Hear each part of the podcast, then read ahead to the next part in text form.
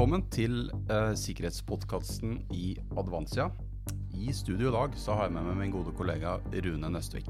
Mitt navn er Jack Fischer Eriksen, og vi skal ta dere gjennom det vi mener er en spennende seanse. I dag skal vi snakke om krisekommunikasjon. Uh, og Rune, dette er ditt fagområde. Du skal få lov å gå litt mer i dybden på det etter hvert, men jeg har lyst til å starte med en, en setning som jeg syns er litt interessant. Og det er en, eh, en forfatter, amerikansk forfatter som, er, som, heter Ashley Brilliant, som har sagt Vennligst informer troppene umiddelbart om at all kommunikasjon er brutt sammen. Det er en stor motsetning i det. Jeg syns setningen er et godt utgangspunkt for vår podkast i dag, Rune. Så kan ikke du starte med å si litt om deg selv. Hva har du drevet med før, og, og gjerne hvorfor jobber du i Advanse? Jeg, jeg jobba med krisekommunikasjon fra alle sider og i forskjellige fora. Jeg har bakgrunn fra Forsvaret, jeg har vært for Norge i utlandet. Jeg jobba i sikkerhetsbransjen. Jeg starta som vekter for mange år siden. Så ble jeg journalist, jeg har jobba som journalist i mange år. Så ble jeg kommunikasjonsdirektør. Og så kom jeg tilbake igjen til sikkerhetsbransjen og jobba med krisekommunikasjon. Det, det, det, som jeg tror er fordelen min, at siden jeg har sett kriser fra alle sider, så vet jeg også hvor viktig de ulike elementene er. Mm. Så det har jeg tatt med meg inn i arbeidet her i Advansia. Jeg har jo glede av å jobbe med deg to ganger. Første gangen når du var i NHO og jeg var i Næringslivets sikkerhetsråd. Da hadde vi jo mye diskusjoner om krisekommunikasjon. Og i dag jobber vi sammen i Advansia. Det føler jeg er en, en god kombinasjon, Rune. Det vi skal snakke om nå, er jo krisekommunikasjon, og, og hvor viktig kommunikasjonsfaget eh, er i et sikkerhetsarbeid. Um, og det er ofte slik at du tenker eh, krise rammer ikke meg helt til det faktisk gjør det. Og noen spørsmål jeg har, er liksom eh, Har du havnet i en krise? Har, all, har, journalisten allerede ringt? Eller tror du at en journalist kommer til å ringe?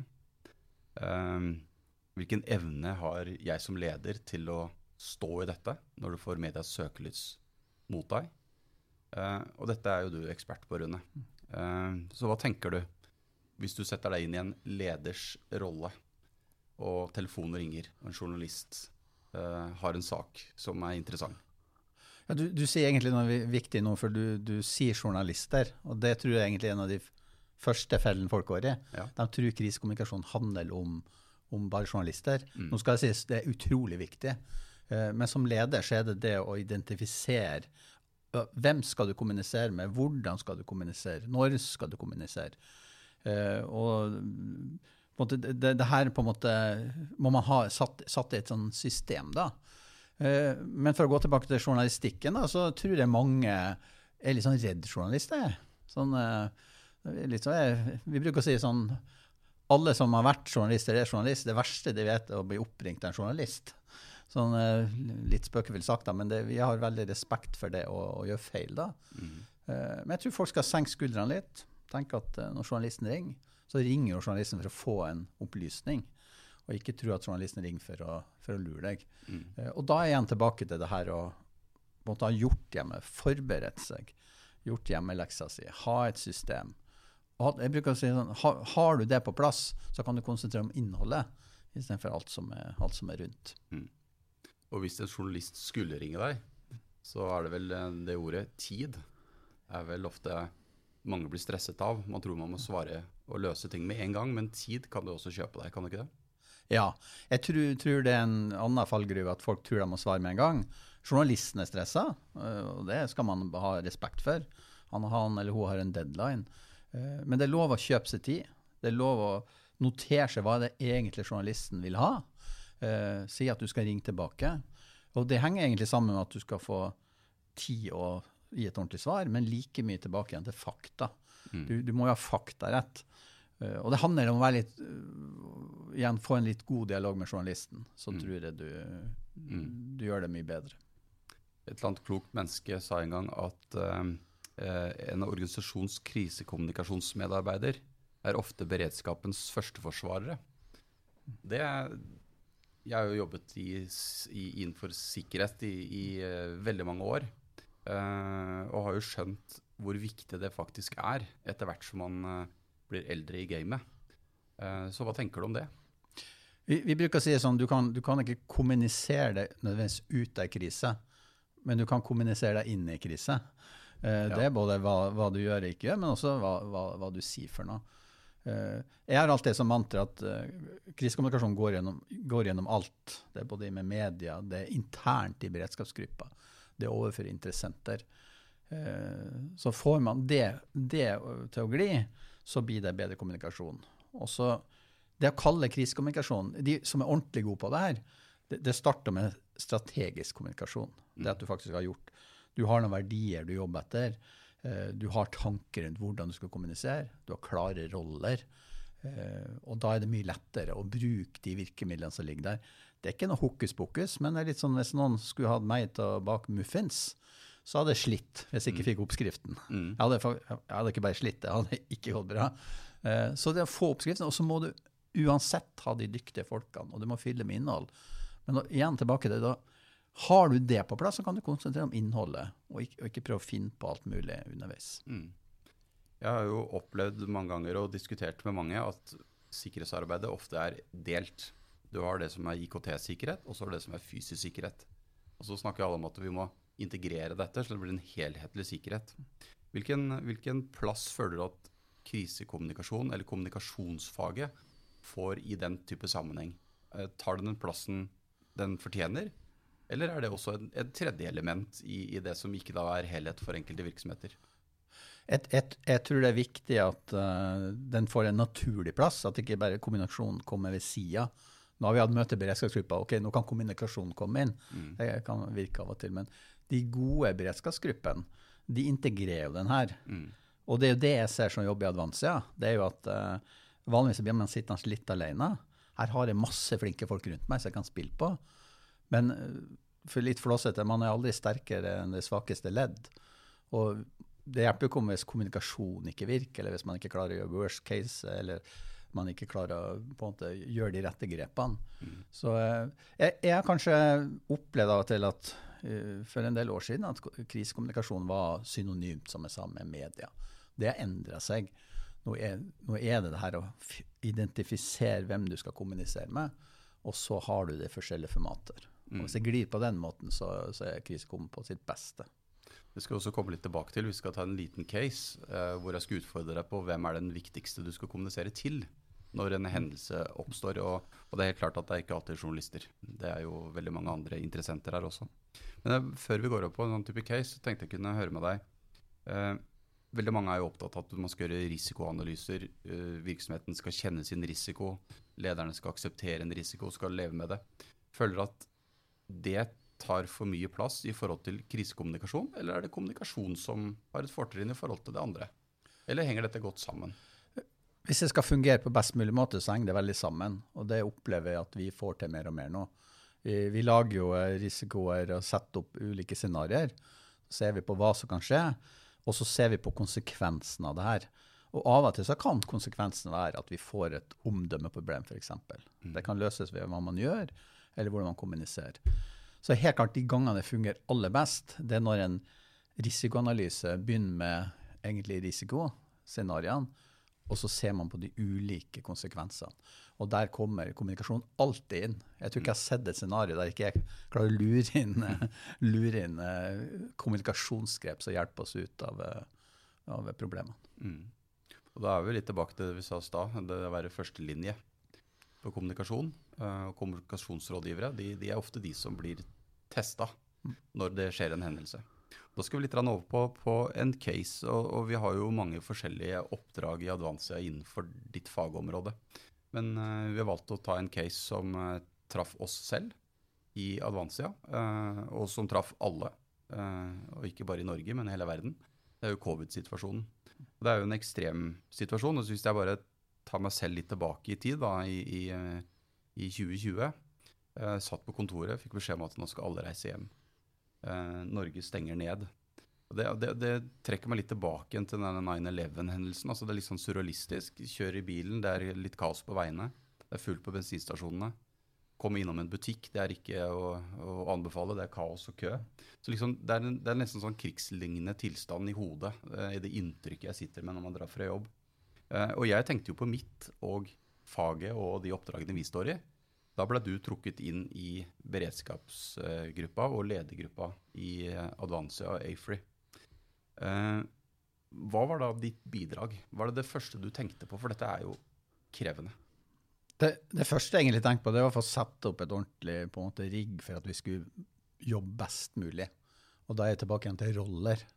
Altså ha roller og bli et lag.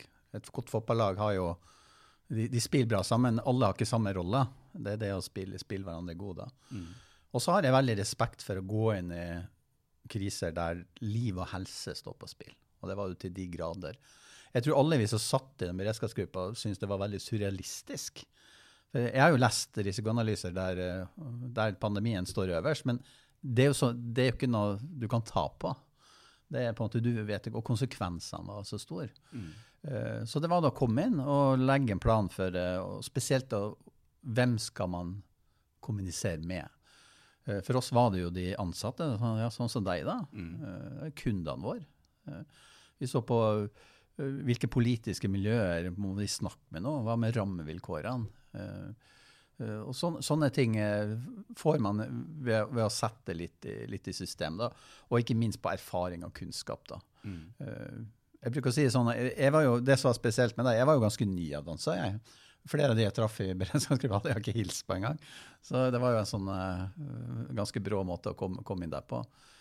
men nettopp derfor kunne vi spille hverandre litt gode, for vi hadde, vi hadde sånn sett ganske klare roller veldig fort. da. Mm. Hvis jeg trekker det tilbake igjen, for meg som da ansatt som mellomleder i dette store selskapet, så følte jeg veldig tidlig at eh, kommunikasjonen fikk en stor plass. Mm. Jeg fikk god informasjon, jeg ble betrygget. Jeg mista litt av den uroen på det å miste jobb. Eh, og det er jo kommunikasjon som faktisk sørger for at jeg føler meg trygg, og at jeg er sikker på at dette blir håndtert. Så, så hvor stor plass fikk kommunikasjonen i i ledergruppa og beredskapsgruppa i den sammenhengen? For det er jo mye her. Det er økonomisk usikkerhet, det, det er mange usikkerhetsfaktorer.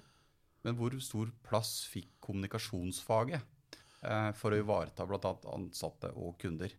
Det var veldig stor plass. og Vi, vi jobba veldig med, med det jeg kaller kommunikasjonskanalene. Vi bestemte oss veldig fort for at de ansatte var viktige. og vi, vi tenkte ok, for at alle skal få litt god informasjon, så går vi ofte linjer Altså vi informerer ledere, som igjen informerer sine ansatte. Fordelen med det er for det første så får du informasjon veldig raskt ut. Uh, og lederne får, får også muligheten til å ta et, ta et ansvar. Uh, og alt vi gjorde Vi hadde, vi hadde jo møter da vi brukte, sånn som mange andre, brukte Teams da, i loggen vår. Og der logga vi aksjonspunkter. Så hva skulle vi gjøre på kommunikasjon? Og Advanse har jo heldigvis et ganske bra spekter med kanaler. da. Så det er jo alt fra nyhetsbrev til direkte kontakt, allmøter, eh, ja, e-poster. Eh, og så er det å finne de ulike formene. For du kan, du kan, ofte ikke bare lage ett manus og så prøve å presse det inn alle plasser eh, der du har kanaler. Det må, det må tilpasses. Når det er sagt, så var det jo ikke det er ikke sånn at vi kan si at vi fant fasiten. Men jeg som har jobba mye med kriser og, sånn, og krisekommunikasjon, vil jo gi et ganske høy karakter til, til beredskapsgruppa i, i Advansia, for det, det funka veldig bra. Man skulle nesten tro at de var forberedt på scenario, sett fra en ansattes ståsted. og Det er også tilbakemeldingen. Og Det er litt av suksesshistorien, hvor, hvor, jeg tenker at man tar faktisk også dette faget på alvor. Og Det er jo eh, litt av su suksessfaktoren da, i det tragiske som oppsto. At man klarer å bevare roen. Man klarer å gi eh, motivasjon og styrke til, til hele selskapet. For det er fort gjort at mange faller fra. Uh, så, så, sett fra mitt ståsted så var jo det her veldig, veldig eh, gjennomtenkt og, og, godt utført. Um, hva tenker du sånn generelt, hvis du tenker sånn generelt på, på virksomhetsleder i Norge? Tror du det har gått like bra for alle, eller har man famla veldig mye i, i starten? Uh, jeg tror man famler mye. Altså når, man, når man kjører undersøkelser, altså litt mer empiri, da, for man kan jo mene mye, da, så, så, må man jo vel si at det ikke alle som tar det her helt på alvor. Uh, og så er det et eller annet med oss, uh, oss litt eldre menn, gjerne i 50-årene, vi, vi, vet jo best ofte. Så vi har, mener vi trenger ingen plan, det her tar vi på. Men jeg tror, jeg tror og håper at mange har lært det, at uh, det her må de ta på alvor. Uh, og som jeg sa til en leder en gang, jeg trena noen toppleder en gang, og så, så spurte han hva, hva liksom målestokken på å være trygg på at min organisasjon er rigga. Da sa jeg det er hvis du kan gå og legge deg om kvelden sovn og telefonring midt på natta med en annen krise. Hvis du får puls av det, det er helt greit. Men hvis du får panikk, så er du ikke rigga. Det er en sånn god, god målestokk å ta med seg. Du vet ikke skal trekke dette for lenge ut, men dette er et kjempespennende tema. Så tenkte jeg sånn avslutningsvis, hvis du kunne gitt oss en oppskrift på de tre viktigste faktorene. Hva bør ledere tenke på, og hva bør de ha planlagt for? Ja, Du sier egentlig det første, plan. Ha en plan. Jeg er ikke tilhenger av mye byråkrati. En enkel, men operativ plan. Både på beredskap, men også for krisekommunikasjon. Eh, ha fakta rett. Kommer du skjevt ut med fakta, så er det som å komme ut av eh, ski, et skihopp. Det går som regel ikke, ikke bra. Eh, og så er det å øve og evaluere, og være ærlig med hverandre på evalueringa. Evaluer fortløpende, og evaluer når ting har roa seg. Bra. Da sier jeg tusen takk til deg, Rune. Jeg syns dette var spennende. Jeg håper lytterne våre fikk en liten eh, forsmak på hva vi kan bidra med. Jeg anbefaler dere alle å gå inn på advansa.no, se på hjemmesiden vår og gå inn på sikkerhetsrådgivning. Um, les gjerne også artikkelen om Rune og faget hans og hva vi kan bidra med. Uh, og ta kontakt hvis dere lurer på noe. Vi snakker gjerne med dere. Takk for oss nå.